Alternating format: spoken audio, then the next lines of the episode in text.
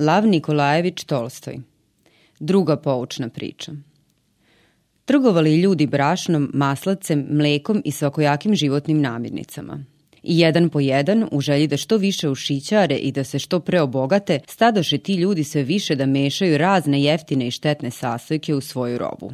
U brašno su sipali mekinje i kreč, u maslac su stavljali margarin, u mleko vodu i kredu. I dok ta roba nije dospela do potrošača, sve je bilo dobro. Trgovci na veliko prodavali su trgovcima na malo, a ovi sitnim trgovcima. Bilo je mnogo žitnica, dućana i trgovina je činila se cvetala. I trgovci su bili zadovoljni, ali gradski potrošači, ti koji sami nisu proizvodili namirnice i zato su morali da ih kupuju, nisu bili zadovoljni i pobolevali su.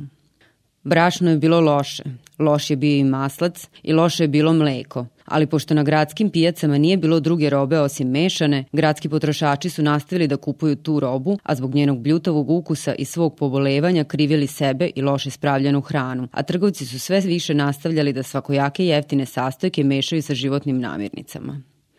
Tako je trajalo prilično dugo. Gradski žitelji su mučili muku i niko se nije odlučivao da izrazi svoje nezadovoljstvo.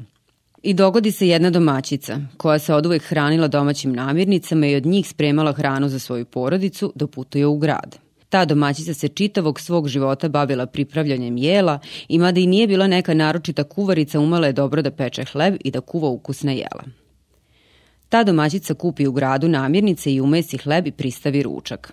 Hleb joj se nije ispekao, već se drobio. Pogačice od maslaca s margarinom bile su neukusne.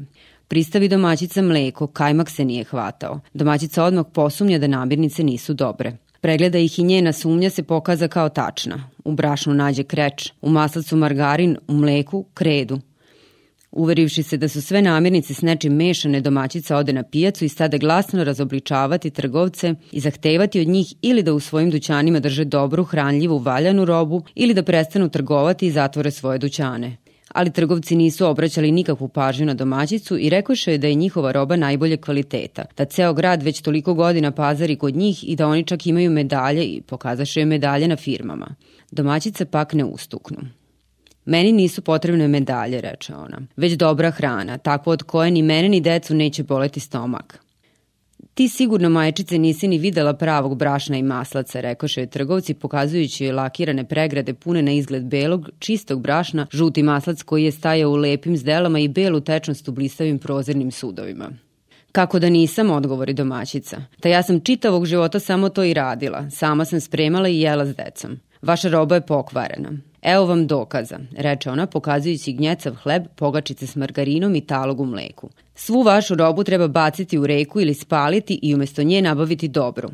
I domaćica je neprestano stojeći ispred dućana vikala na sav glas jedno isto kupcima koji su dolazili i kupci se nađoše u nedoumici. Tada, videvši da ta odvažna domaćica može nauditi njihovoj trgovini, trgovci rekoše kupcima. Evo pogledajte, gospodo, kako je šašava ova žena. Ona želi da ljudi umiru od gladi. Zahteva da bacimo u vodu ili spalimo sve životne namirnice. Šta ćete vi jesti ako je mi poslušamo i prestanemo da vam prodajemo namirnice? Ne slušajte je. Ona je najobičnija seljančura i nema pojma o namirnicama, a napada nas samo iz zavisti. Ona je uboga i želi da svi budu isto tako ubogi kao i ona. Tako rekoše trgovci svetu koji se okupio, svesno pričutkujući da žena ne želi da uništi namirnice, već da se rđave zamene dobrim. I tad se ljudi okomiše na ženu i izbrusiše. Ima koliko ih je žena uveravala da ona ne želi da se unište životne namirnice, da se ona naprotiv celog života jedino time i bavila, da je hranila druge i sebe i da ona želi samo to da ih ljudi koji su preuzeli na sebe snabdevanje drugih životnim namirnicama ne truju štetnim stvarima pod vidom namirnica, ali ma koliko ona govorila i ma šta govorila nisu je slušali, zato što su zaključili da ih želi lišiti neophodne hrane. To isto desilo se i meni povodom nauke o umetnosti naših dana. Ja sam se čitavog života hranio tom hranom i bilo dobro ili rđavo nastajao sam da i druge koje sam mogao hranim njom. I pošto je to za mene hrana, a ne predmet trgovine ili raskoši, ja nepobitno znam kad je hrana hrana, a kad je samo nalik na nju. I eto kad sam probao tu hranu koja se počela prodavati u naše dane na intelektualnoj pijaci pod vidom nauke i umetnosti i probao da hranim njom meni drage ljude, uvideo sam da pretežni deo te hrane nije kako valja. I kad sam rekao da je ta nauka i ta umetnost koju prodaju na intelektualnoj pijaci margarinska ili u najmanju ruku s velikim primesama stvari tuđih pravoj nauci i pravoj umetnosti i da ja to znam, jer proizvodima koje sam kupio na intelektualnoj pijaci nisam mogao da hranim ni sebe, ni sebi drage ljude i ne samo da nismo mogli da se njima hranimo, već su odista bili štetni, tad su na mene počeli vikati i istresati se i uveravati me da to proizilazi otuda što nisam učen i ne znam da cenim tako visoke stvari.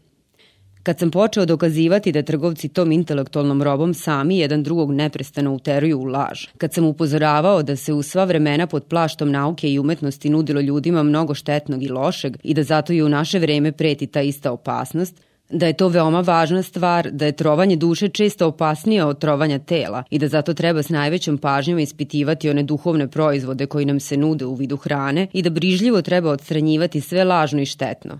Kad sam to počeo govoriti, niko, niko, nijedan čovek ni u jednom članku ili knjizi nije opovrgao te moje tvrdnje. A iz svih dućana su povikali kao na onu ženu. On je bezumnik. On želi da uništi nauku i umetnost, ono od čega živimo. Klonite ga se i ne slušajte ga. Izvolite k nama. Mi imamo najnoviju inostranu robu.